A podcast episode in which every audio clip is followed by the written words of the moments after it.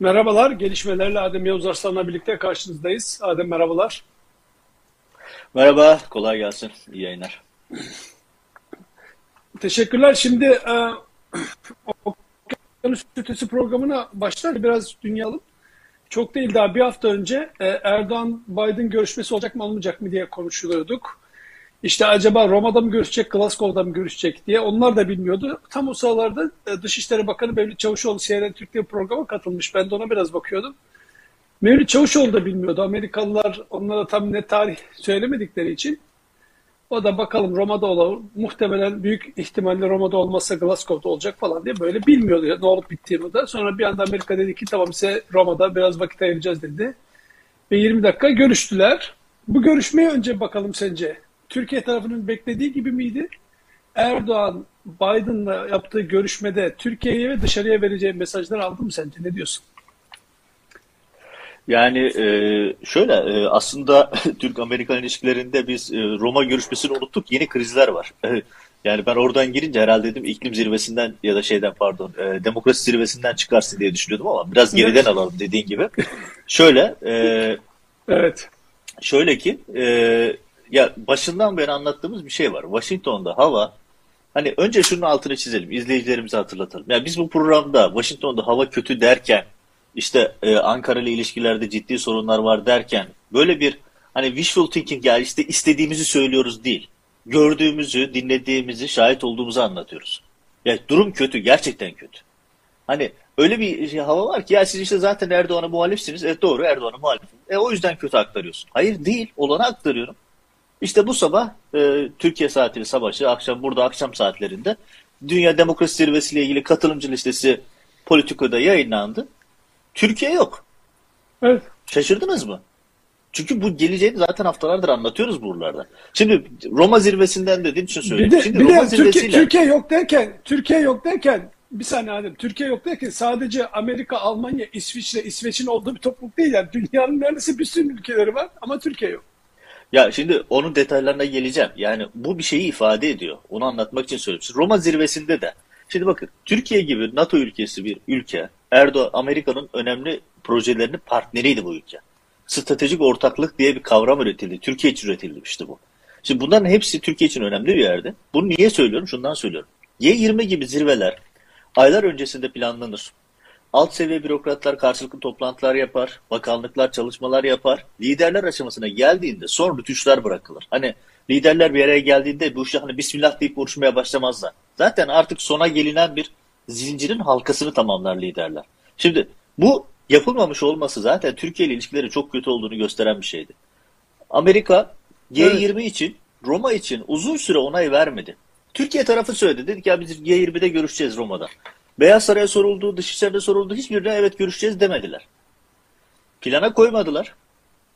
Son dakikada e bir 20 dakika görüşelim diyerek aslında mesaj verdiler. Ya biz sizinle görüşmek istemiyoruz kardeşim. Ama çok ısrar ediyorsunuz. Hani madem öyle buyurun bir fotoğraf çektirelim demektir. 20 dakikalık randevu. Şimdi 20 dakikalık randevu nedir biliyor musunuz? Yani biz size asık hani mesajı doğrudan veriyor. Kitabın ortası diye bir tabir vardır ya. Amerika kitabın ortasında mesajı veriyor. Kardeşim seninle anlaşamıyoruz. Sen bu denklemde devam ettiğin sürece olmayacak zaten. Ha 20 dakikaya bilerek 20 dakika tutuyorlar. Neden? Çünkü zaten Erdoğan'ın tercüme ihtiyacı var. 10 dakika oradan gidiyor. Yani 20 dakikanın 10 dakikası zaten tercümeye gidecek. 10 e, dakika içerisinde de 5 dakikasını Biden, 5 dakikasını Erdoğan konuşsa bu. Ha, görüşme uzadı 70 dakikaya çıktı ki normal çünkü Türkiye ile Amerika arasında konuşulması gereken başlıkları turalasanız zaten başlıkları açsanız 70 dakika gider. Çünkü bir sürü konu var. Şimdi o görüşmede Türkiye tarafı şöyle bir hava estirdi. Ya her şey çok güzel. Biden'la ilişkileri toparlıyoruz. Biden bize söz verdi. İşte F-16'larda şey yaptı. Ya o görüşme başlı başına bir skandal. F-35'in adını bile anmıyor Erdoğan. F-16'larla diyor söz verdi diyor. Bakacak diyor parlamentoda elinden geleni yapacak vesaire. Amerikalılardaki hava şu. Ya biz görüşme istediniz diye görüştük. Herhangi bir söz vermiyoruz. Herhangi bir vaatte bulunmuyoruz. Ve pozisyonumuzda bir değişiklik yok.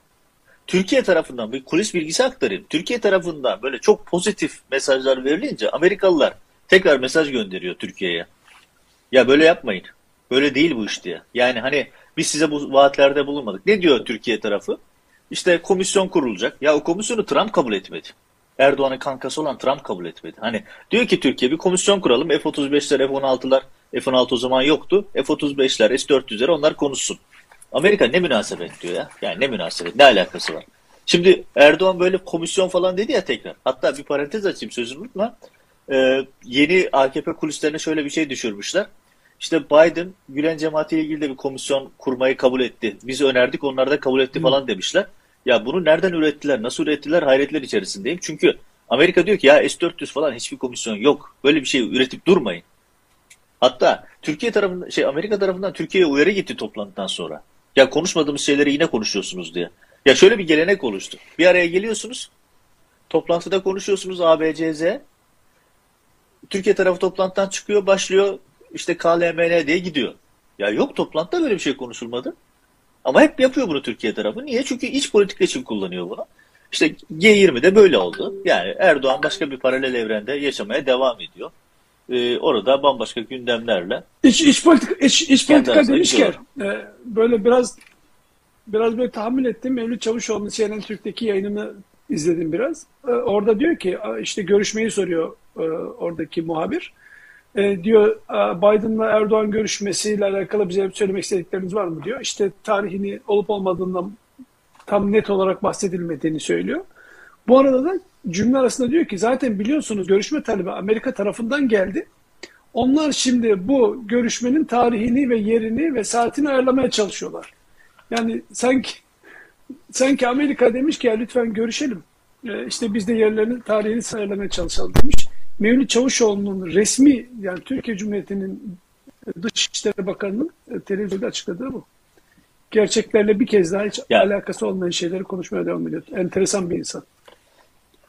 Ya Dışişleri Bakanı e, hep söylüyorum yalan söyleme konusunda kırılması zor, imkansız hatta yaklaşılması mümkün olmayan bir e, rekora sahip. Ya adamın bütün bakanlık dönemi yalanlanmakla geçti. Yani hatırlarsın sen de o zaman buradaydın. İşte Dışişleri Bakanı oldu. İlk defa Amerika'ya geldi. Daha gelir gelmez uçaktan iner inmez yalanlandı. Daha birinci gün Washington'daki ilk gün bitmeden Beyaz Saray ikinci defa başka bir konuda bir daha yalanladı kendisini. Ya öyle yani her sözünden sonra ya düşünsenize şimdi çıkıyor ekranlarda böyle sırıta sırıta diyor ki işte diyor Nordik, Kuzey, İsveç, İsveç e, Finlandiya, Norveç o taraflardan e, bir ülkenin genç bir diplomatı yapmış diyor. Öbürleri de buna imza atmışlar. İşte 10 diplomat büyükelçiyle ilgili, işte 10 büyükelçinin durumuyla ilgili. Ya buna kargalar bile gülmez. Yani dış işlerinde işler böyle yürümüyor. Yani Türkiye'de yürüyebilir de dünyada böyle yürümüyor. Yani yine paralel bir evrende devam ediyorlar. Şimdi bunu niye anlatıyorum? Bak şimdi izleyicilerimiz diyor ya geriden Alo, geliyorsunuz. a- a- Ya yani bugün Türkiye'nin demokrasi zirvesine davet edilmemesi sürpriz değil. Bu zincirin halkalarını tamamlamaya çalışıyorum. Yani zaten bu geliyor, gösteriyor. Şimdi, şimdi o dem- demokrasi demokrasi zirvesine davet edilme mevzusuna gelirken az önce cümlelerin arasında bir yerde altını çizdiğim bir konu vardı. O da işte Biden'la Erdoğan tarafı işte cemaatle alakalı bir komisyon kurmuş vesaire diye bir şey. Böyle kulis bilgilerini ben de duydum sağdan soldan.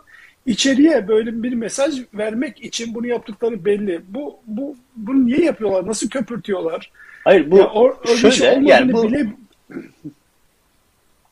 ya bunu e, kendi tabanlarına yaydıkları bir yalan. Hani bir kulisten ziyade. Çünkü bu hani bir kulis bir sürecin özeti gibi anlatılır ama burada şöyle bir şey var. Erdoğan saraydaki propaganda gibi oturuyor.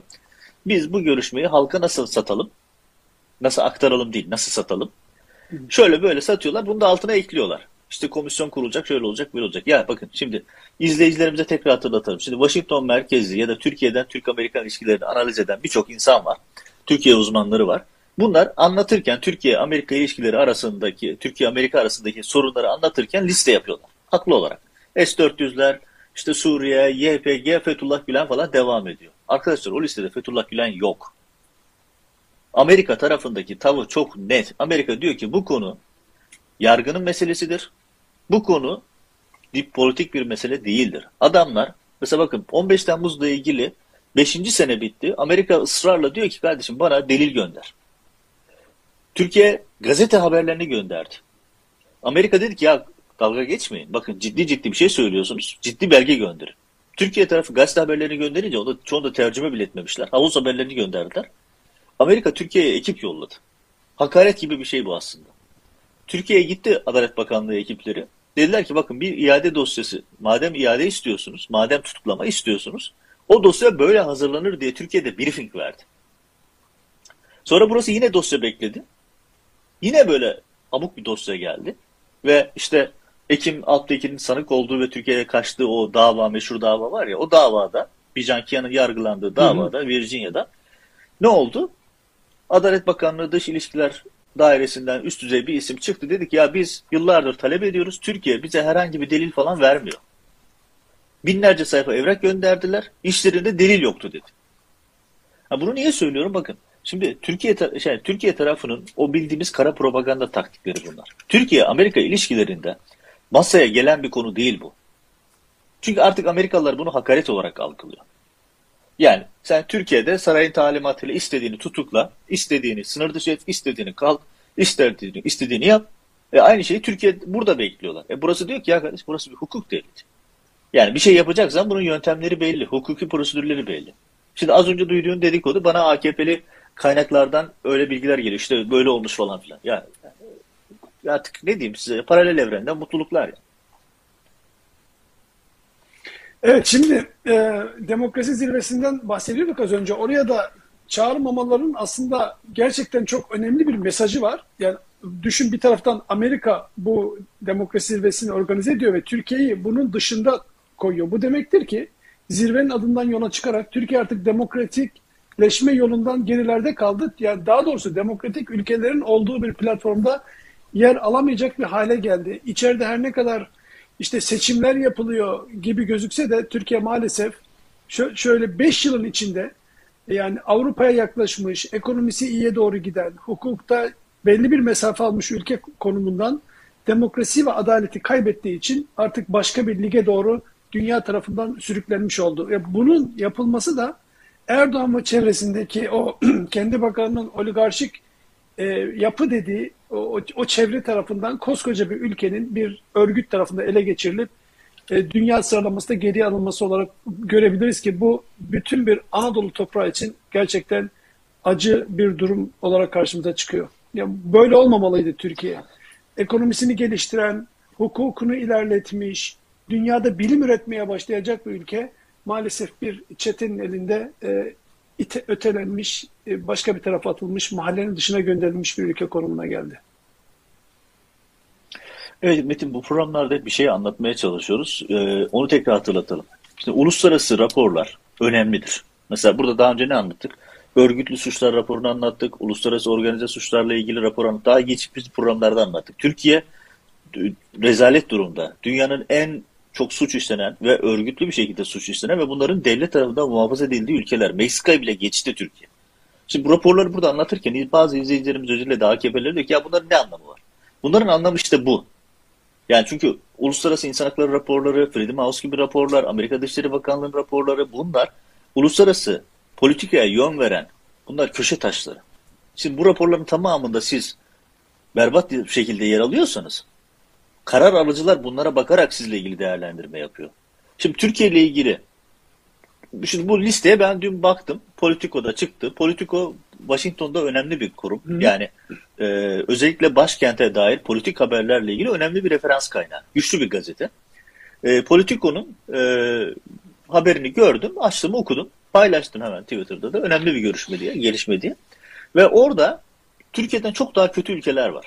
Hakkını yemeyelim. Yani şimdi Türkiye'ye propaganda yapılıyor ama ya Türkiye'den çok daha kötü ülkeler var orada. Yani Türkiye bunlar davet ediliyorken Türkiye'nin davet edilmiyor olması politik bir mesaj.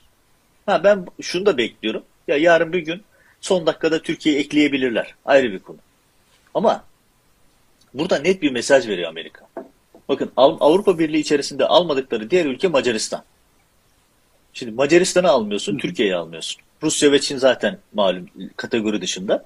Bu şu demek ya kardeşim bakın biz size yıllardır anlatmaya çalışıyoruz anlamıyorsunuz. Artık daha açık nasıl söyleyelimin başka bir göstergesi bu.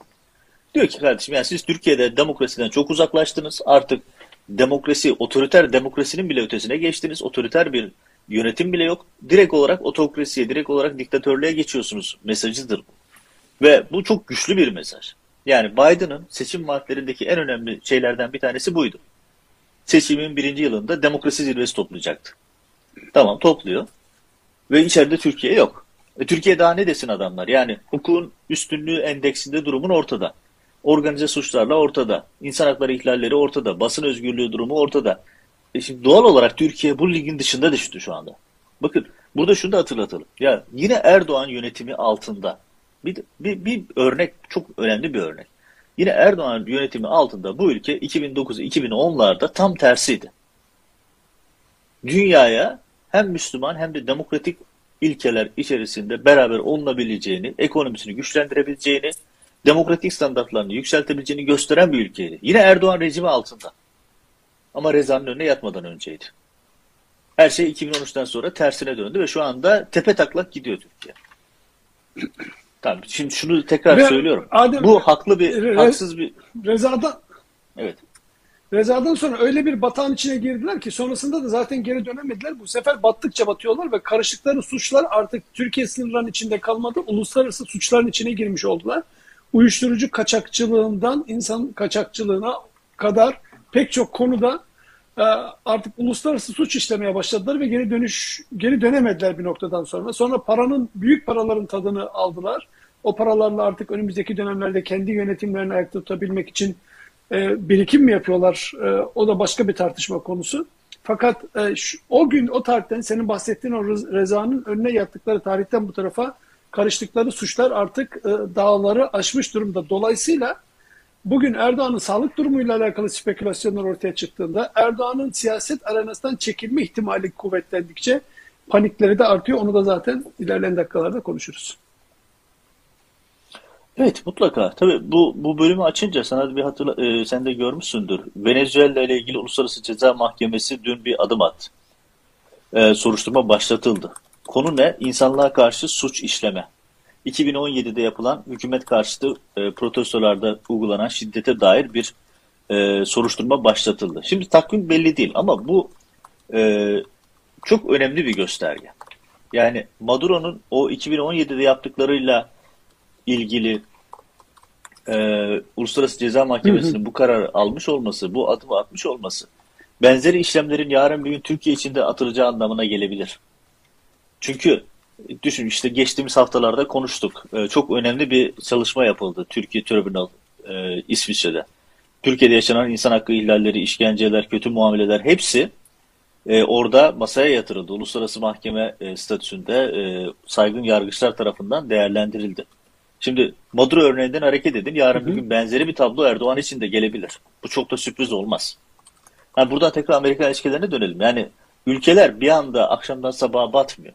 Akşamdan sabaha çökmüyor. İşte böyle çöküyor. Yani demokrasi zirvesine davet edilmiyorsun. Ee, Başkan, müttefikin olduğunu ülke sana 20 dakika zar zor rica minnet. Yalvar yakar bir randevu alıyorsun. Onda da zaten sana söylediklerin hiçbir anlamı E kalmıyor. peki tamam bir tablo. peki şimdi dur- burada, burada durur musun? Burada durur musun lütfen? Peki bütün bunlara ihtiyaç var mı ki? E, yani Amerika seni zirveye çağırmamış, hakkında davalar açılmış, Biden seninle görüşmek istemiş, istememiş. Bugün herhalde görmüşsündür değil mi? Temel Kotil paylaşmış. İlk kendi yerli uçağımızın bir parçasını yaptık diye böyle şöyle bir cihaz paylaşmış görmüşsündür. Kimleri işte kalorifer peteğine benziyor falan diyor ama neyse yani diyor ki belli bir süre sonra biz uçağımızda yaparız, gemimizde yaparız, uzaya da gideriz. Ya bunlara bir ihtiyaç var mı ki? Niye öyle diyorsun? Yani e, ben ilk gördüğümde kamera şakası ya da böyle bir Zaytun haberi falan sandım.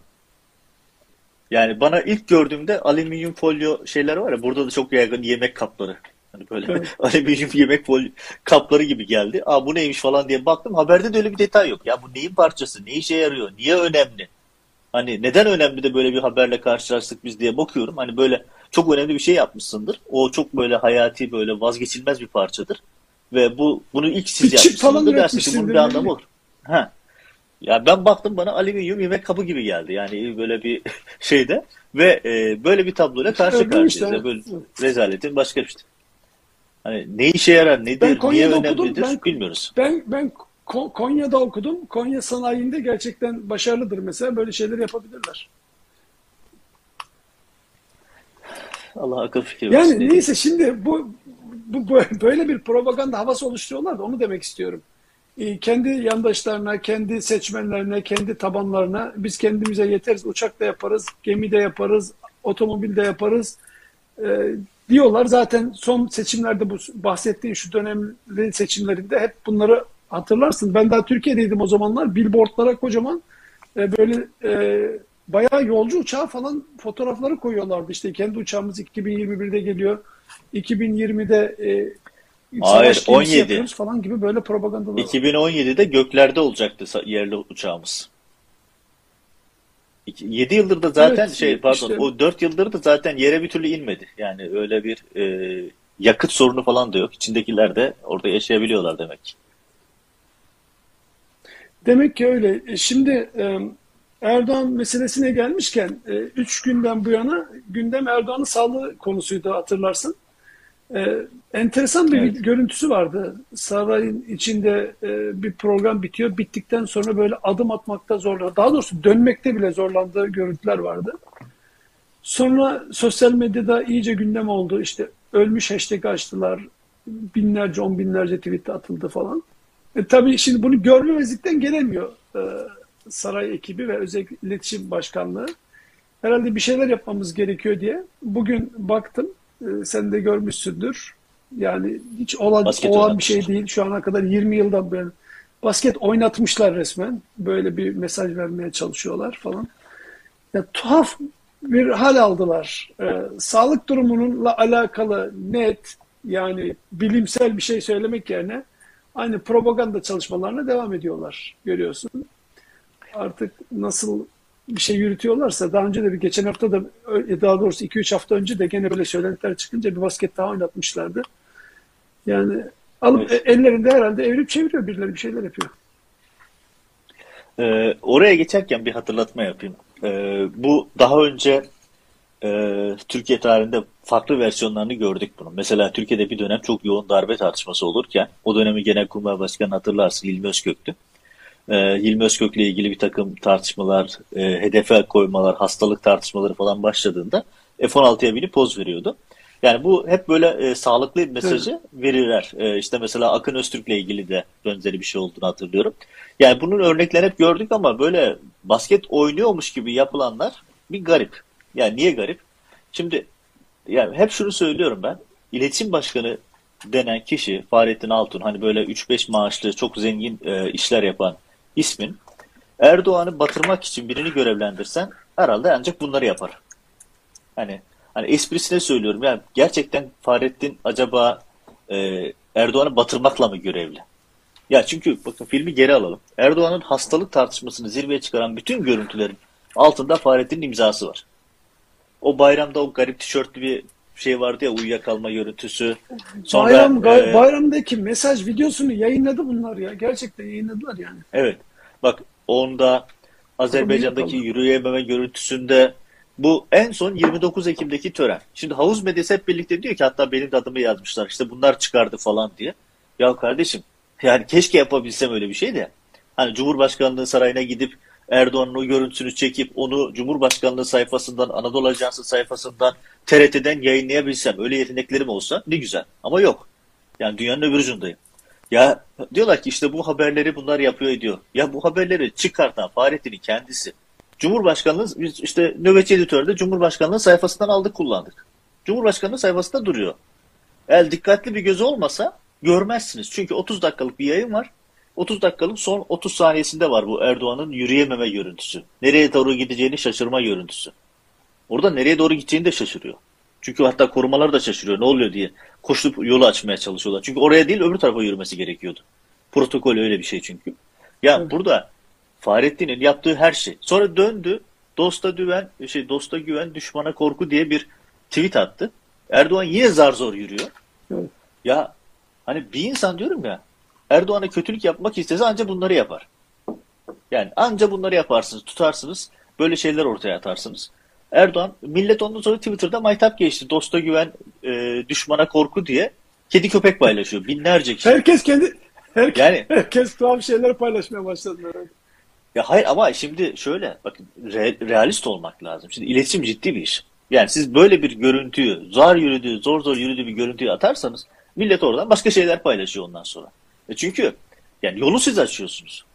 Yani şimdi bu bir realite. İkincisi şu. Şimdi ölmüş hashtag'i açıldığında ya bu tip şeylerin önlemenin bir yöntemi vardır. O da nedir? Şimdi Amerika'da yaşıyor. Sen de ben de burada Amerikan seyahatini izliyoruz.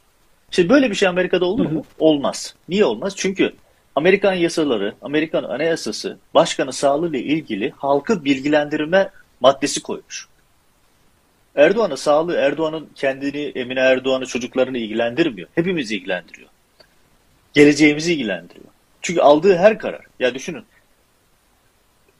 savaş kararı alan da, kanunları imzalayan da, e, maddeleri şey her türlü kararı veren de, Fenerbahçe ekibi başkanı olacağına karar veren de, Ümraniye mahallesinde bilmem ne muhtarın olacağına karar veren de o. Her şeye karar veren Erdoğan. Rektörlere, ona, buna, televizyondaki altyazılara karar veren Erdoğan. Dolayısıyla hem fiziki sağlığı hem de kafa yapısı, mental sağlığı herkesi ilgilendiriyor. Hepimizin hayatına dokunuyor çünkü. Ve şimdi böyle bir tablo içerisinde Amerika'da ne var? Amerika'da anayasa açık, yasalar açık. Amerika'da başkanın e, görevden alma ile ilgili bir e, düzenlemesi var. Ek 25. madde. Orada bir madde var. Diyor ki dördüncü fıkrası. Eğer başkan akli melekelerinde sorun çıkartırsa, sorun başlarsa başkanın, başkanı görevden alıyorlar. Başkanı görevden alma maddesinde casusluk var. Vatana ihanet var. Arkasından da böyle bir madde koymuşlar. İnsanlık haldir. İnsan hastalanabilir. Hastalık zaten insan için. Yani kimse Evet. Erdoğan niye hastalandı demiyor. Buradaki temel soru şu. Erdoğan hastalığını niye saklıyorsunuz? Çünkü hasta olduğu gözüküyor zaten. Ya bunun için şeye ihtiyaç yok. Kaldı ki kameraların önünde arabada bayıldı. Kameraların önünde e, ameliyata gitti. Ameliyat Nereden oldu iki defa. Ya Evet. bir tak ha, ya bir takım e, sağlık sorunları olduğu çok açık. E, bunlar daha önce bir de şu var yani başkentlerde hiçbir şey gizli kalmaz. Herkes konuşur. Dostları konuşur, arkadaşları konuşur, akrabaları konuşur. Herkes Erdoğan'ın bir takım sağlık sorunları yaşadığını biliyor. E kameraların önünde zaten gözüküyor. E şimdi böyle bir durumda siz her şeyi saklarsanız, hiçbir şey yokmuş gibi Erdoğan'a basket oynatmaya çalışırsanız, ya Allah aşkına, ya hiçbir tane aklı başında AKP'li yok mu şu basket oynama görüntüsüne, ya yapmayın böyle komiklikler demiyor mu? Ayağını kaldıramıyor, belli kolunu kaldıramıyor, zorla basket oynatıyorsunuz. E bir, bu haberler devam ettiğinde o zaman herhalde bir sonraki aşamada Erdoğan'a tekvando yaptırırlar. Bir sonraki aşamada herhalde Putin gibi Şimdi öyle olunca e, ata bindirirler. öyle olunca ne oluyor biliyor musun? Böyle açıklama yapmıyorlar ya bir taraftan bir görüntü çıkıyor ortaya. Merdivenlerden bile inemiyor. Emin Erdoğan sürekli tetikte her an düştü düşecek bir yanında birisi varmış tetikliğinde. Böyle sürekli kolunun yanında tutuyor elini falan. Öbür taraftan görüntülerde uyuyor, uyukluyor. Başka bir tanesi de gideceği yönü şaşırıyor falan. Bunu görüyor herkes. Sonrasında da böyle basketbol oynatıyorlar. Bu görüntüleri kendileri servis ediyorlar. Gene herkese gösteriyorlar. Herkes görüyor. O zaman da insanların konuşma hakkı doğuyor. Bu kadar hasta görünen bir insanı böyle gösteriyorsanız bu işin içinde ne var? Bir, hastalığını niye söylemiyorsun? İki, işte böyle ayakta durabilsin belki birkaç saat diye ona ekstra ilaçlar mı veriyorsunuz? Ne yapıyorsunuz? İnsanlar konuşuyor, konuşuyor. Yorum yapar da yapar. Çünkü sen gerçek bilgiyi doğru kaynağa ulaştırmıyorsun kimseye. E Şimdi e, az önce söyledim ki Amerika yasaları çok açık. Mesela biz Beyaz Saray'dan, e, Beyaz Saray doktorundan sürekli şunu görebiliriz. Amerikan başkanının sağlık verileri nasıl, kolesterolü nasıl, kan değerleri nasıl, e, boyu, kilosu, obezite oranları nasıl bunları görüyoruz. Bir sorun olduğu zaman insanlar bunları saklamıyor. Çünkü bu herkesi ilgilendiren bir konu. Hani etik olarak da öyle, yasa olarak da öyle. Şimdi bunu bir bakıyorsun Türkiye'ye. Ya Erdoğan'dan önce biz bunu biliyorduk. Hep biz gazetecilikte çeyrek asırı devirdik. Biz Demirel'i de gördük, Ecevit'i de gördük. Başka başbakanları da gördük. Gazeteci olarak bunları izledik. Sağlıklarında bir sorun olduğu zaman bunları doktorlara açıkladı, gördük. E şimdi Erdoğan'a gelince sarayda gizli hastane yapıyorsun. Sarayda gizli hastane yaptılar. Özel sağlık ekibi kuruyorsun. Evet. Her gittiği yere özel hastane ekipmanları taşıyorsun. Ya konvoyuna özel ekipler taşıyorsun tamam. Okey yaptın bunları. Ya bir de tekrar söylüyorum bakın. Başkentte çok söylenen bir ifade vardır. Yani düşmanın anlatmıyorsa dostun söyler derler. Hani başkası anlatmıyorsa bile AKP'liler kendi içerisinde bunları konuşuyor zaten. E sonuçta her kimse uzayda tek başına yaşamıyor. Geçen gün anlattım bir yayında. Hasan Doğan'ın ve Emrullah İşler'in talimatıyla tarikatlarda Erdoğan için dua seferberliği yapıyorlar. E iyi de bu tarikatlarda yaşayanlar insan. Eşi var, çocuğu var. Evet. Markete gidiyor, alışverişe gidiyor, sosyal medya kullanıyor. E paylaşıyor etrafıyla. Herkes duyuyor. E bu paniği büyütmekten başka bir şey yaramıyor mu? Şimdi Washington'da en çok konuşulan konu şu. Erdoğan'dan sonra kim gelecek? Ya artık şu geçti. Erdoğan hasta mı sorusu yok artık. Erdoğan hasta. Herkes bunu aşık, şey, e, aşikar görüyor. Soru şu. Erdoğan'dan sonra kim gelir? Bu süreç nasıl geçirilir? Şu anda en çok yapılan tartışma bu. En çok kafa yorulan konu bu. E şimdi bu yaptığınız kötülüğe bakın. Tamam Erdoğan'ı sevmeyebiliriz. Okey. Şimdi program başında bu konuya girelim mi diye konuşmamıştık ama e, açmamız gereken mevzulardan bir tanesi de Erdoğan'dan sonra kim gelecek ve Erdoğan'ın sağlık durumuyla alakalı evet Washington'dan dışarıdan uluslararasından bakış belli var. Uluslararası gazeteciler Türkiye'ye soruyorlar ne oluyor sağlık durumuyla alakalı yeni bilgi var mı diye. Çünkü görüyorlar durumun niye gitmediğini ama bir taraftan da Erdoğan'ın yakını, yakın çevreleri bu aralarda çok konuşulanlar asıl suça karışmışlar. E, içeride e, bo boğazlarına kadar suçun içinde batanlar, uluslararası suçlara girmiş olanlar, uyuşturucu kaçakçıları vesaire bir panik var. Erdoğan hep böyle gidecek diye düşünüyorlardı. Belki 20-30 sene daha bunun içinde gideriz sonra da unutulur gider biz paralarımızı kasalarımızı dolduralım diye bakıyorlardı. Ama Erdoğan'ın gidişinin yakınlaştığını fark ettiklerinde artık olayın öyle olmadığını şimdi görüp bir panik havasıyla kaçışlar, e, rol değiştirmeler başlıyor.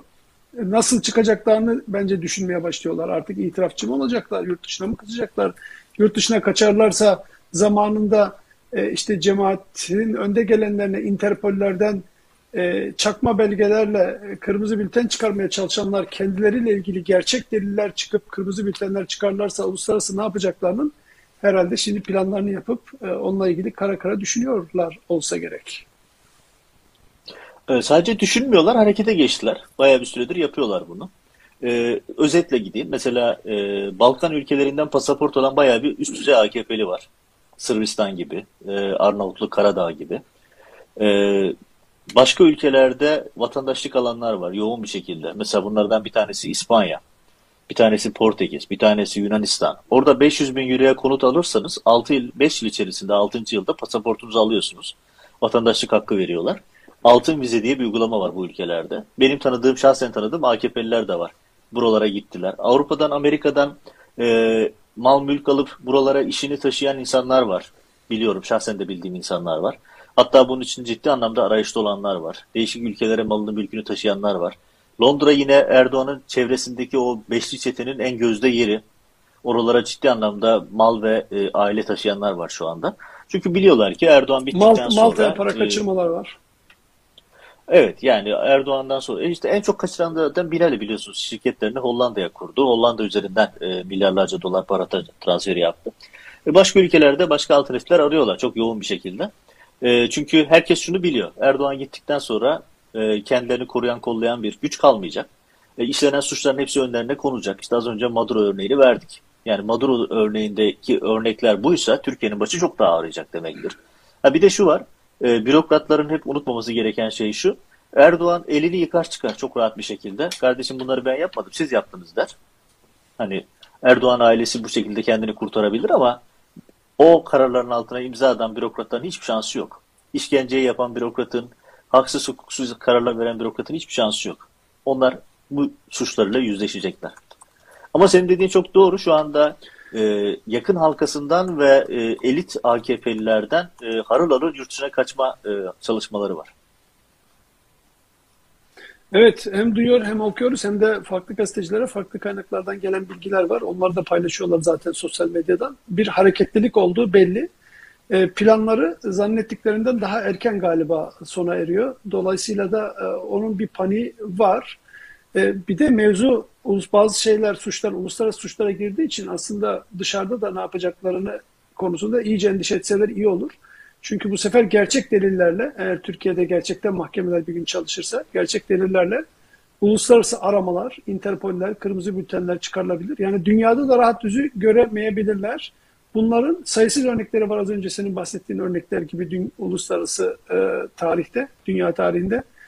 E, Yaptıkları suçlar da daha önceki yapılmış suçlardan az değil. Hatta çoğu var. İnsan hakları ihlallerinden e, devleti soymaya, e, yurt, ülkeleri kandırmaya kadar ve devletin imkanlarıyla e, uyuşturucu taşıma gibi bir suçtan bahsediliyor biliyorsun yani. Herkesin artık konuştuğu konu bu. Bununla alakalı resmi bir açıklama da yapmadılar. Yani devletin imkanları, geçenlerde Brezilya'da yakalanan uçak ata uçağı mıydı?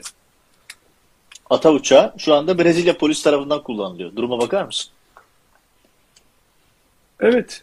Yani bütün devletin imkanlarını e, kendi yolsuzluklar için, suçlar için kullanıyorlar. Şimdi bir görüntü paylaşmak istiyorum seninle. Bunu mutlaka senin bununla alakalı söyleyeceklerim vardır.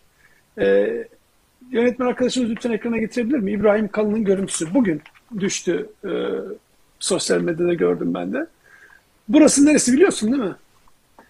Kendisine evet, işte Fahri Doktora falan yapmışlar. Yani İbrahim Kalın işte evet. dünya görmüş, Amerika'da kalmış uzun zamanlar, e, demokrasinin beşiğinde kalmış, e, saray çevresinde daha böyle dışarıya açık olarak bilinen bir tane adamdı eskiden en azından. Şimdi artık oranın oradaki o bütünün bir parçası halinde zaten. Görüyorsun işte Oraya gelmeden şu görüntü, oturtmuşlar şu görüntü durabilir mi? Evet, yönetmenimiz bu görüntüyü muhafaza etsin ekranda. Onun üzerine bir şeyler söyleyeceğim çünkü. Evet. Buyurun söyleyin. Şimdi oradayız zaten.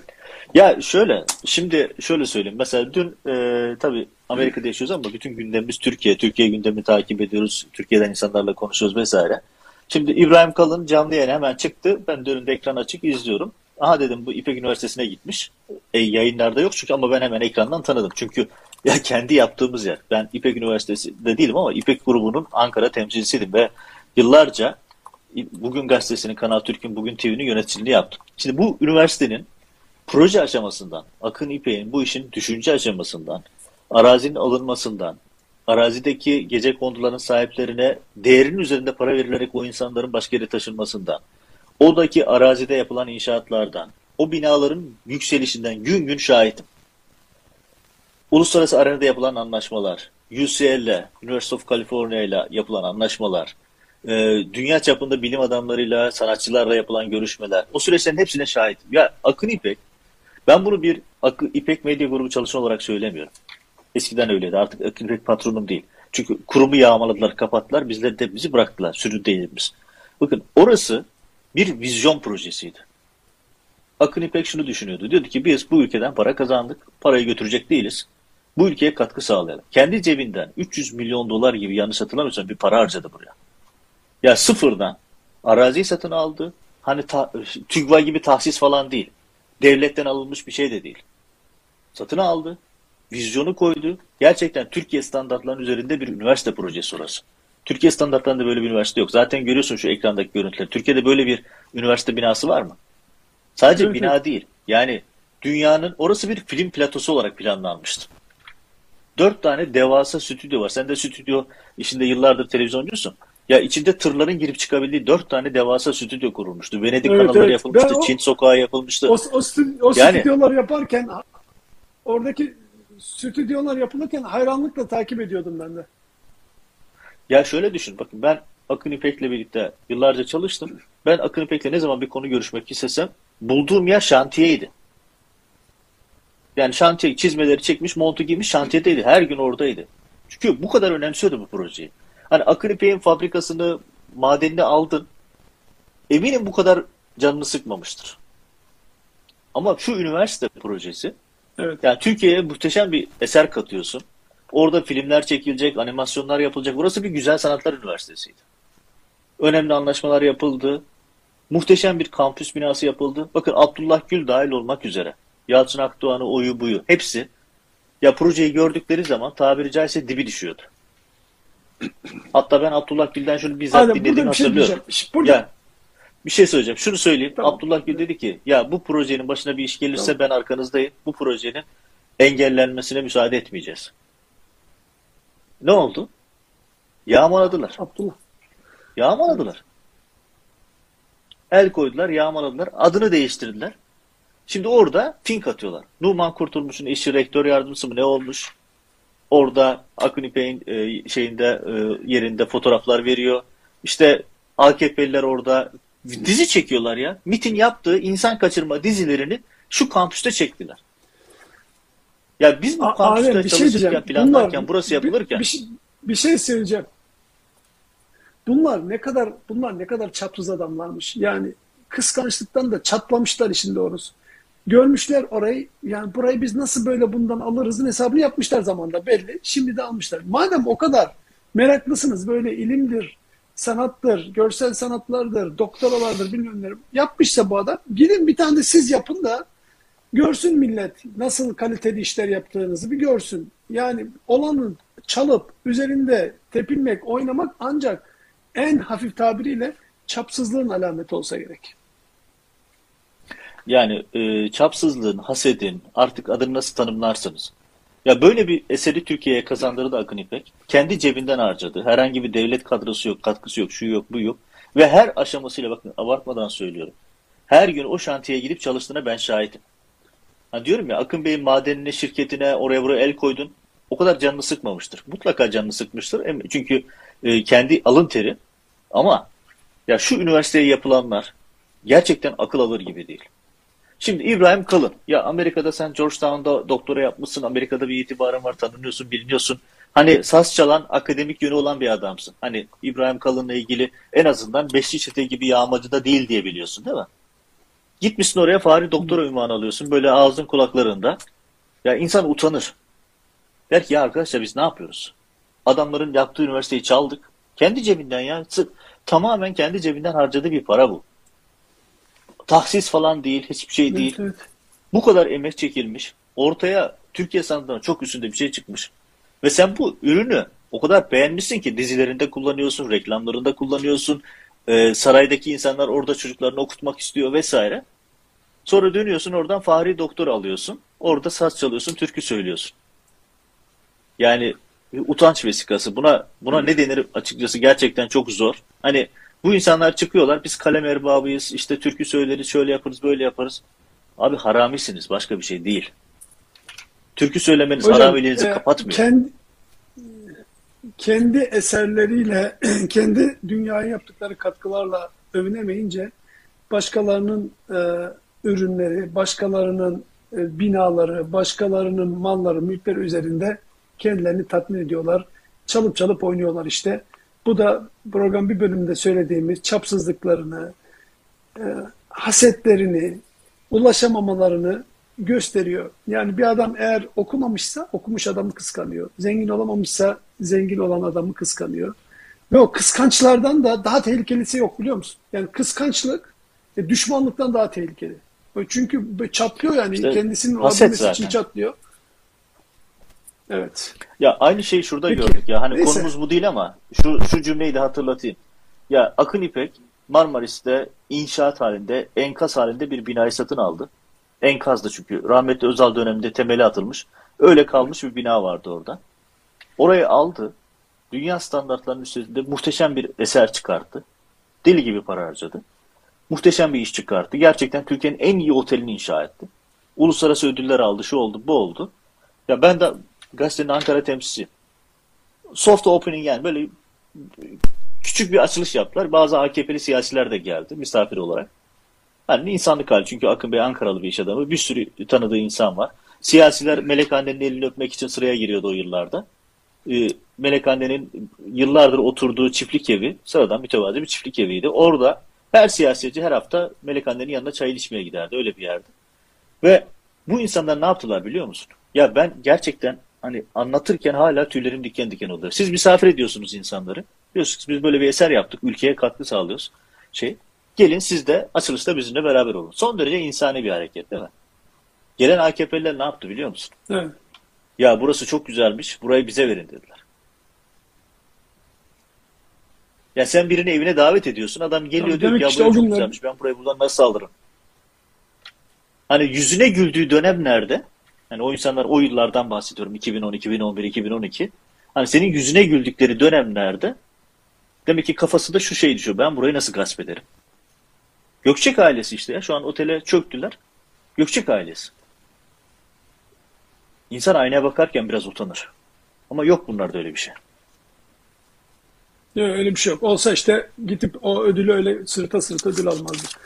Peki burada bitirelim. Ee, öngördüğümüz serinin şu anda üstüne çıktık. Aslında konuşacağımız birkaç konu daha vardı ama onları da bir sonraki programa bırakalım istersen. Tekrar Bir cümle teşekkürler. ekleyelim. Trump geri geliyor. Okyanus ötesinde. Bir cümle ekleyelim. Trump geri geliyor. Onu Ya geliyor. Evet, çünkü evet. diyecekler. O da benim de gündemimde var. Notlarım arasında yani Trump'ın adamı iki yıl sonra İki cümle, klik iki cümle ekleyelim. kazandı bizim bu Virginia bölgesinde. İki cümle ekleyelim. O çok önemli bir gösterge. Virginia'da valilik seçimleri vardı. Amerika'da valilik seçimleri önemlidir. Özellikle bazı eyaletlerde çok önemlidir. Virginia onlardan bir tanesi. Senin de benim de yaşadığım yer. Virginia Amerika Washington'un yarısı arkadaşlar. Hani Washington bir üçgen. Bir tarafı Virginia, bir tarafı Maryland. Ee, yani bir Washington'da yaşayanlar aslında çalışanlar Virginia'da ya da Maryland'da oturur. Hani ayrı bir eyalet gibi değil. Washington'un parçası. Evet. Şöyle düşünün. Ee, burada bir yıl önce Biden 10 puan farkla kazanmıştı. Çok önemli bir eyalet Virginia eyaleti. Ses- seçime çok etki eden bir eyalet. Ve bir yıl içerisinde 10 puanlık kredi sıfırladı. Trump'ın desteklediği Cumhuriyetçi aday seçimi kazandı. Bu Amerika için çok önemli bir gösterge. Trump büyük bir iştahla 2022 ara seçim kampanyasını başlattı ve 2024 için geliyor. Yani Amerika'da da enteresan şeyler oluyor. Onu da hatırlatalım. Yani bu hiç iyi işaret değil benim açımdan.